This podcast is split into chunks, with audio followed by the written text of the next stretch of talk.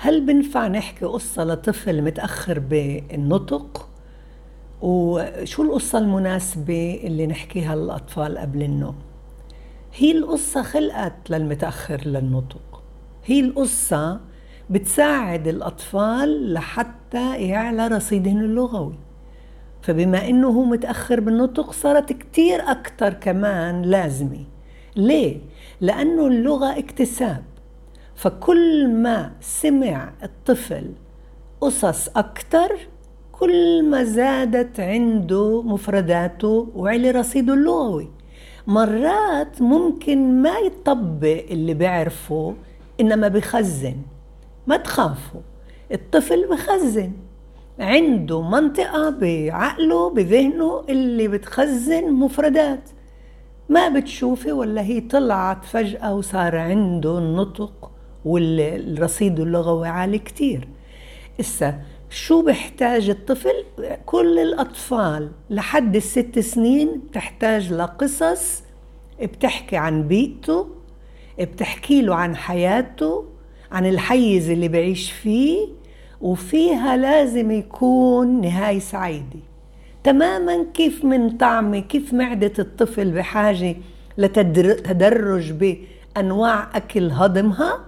المعدة بتهضم أكل سهل الهضم بجيل صغير ومع تقدم العمر بنصير نعطيه مقلي بنصير نعطيه أكثر أنواع آه، مأكولات وغذاء اللي بصير معدته بتصير تقدر تهضم. ببتدي برد رضاعة حليب مسلوق ودايما بنطحنه نفس الشيء كمان القصص. القصص الأساطير والرعب هاي مش لجيل قبل ست سنين. بحتاج الطفل لأمان عاطفي بنهاية سعيدة. واللغة تكون مناسبة كمان لجيله. مش لغة معقدة ولا آه، يعني السطر يكون بأربع خمس كلمات مش أكتر لأنه بده يستوعب.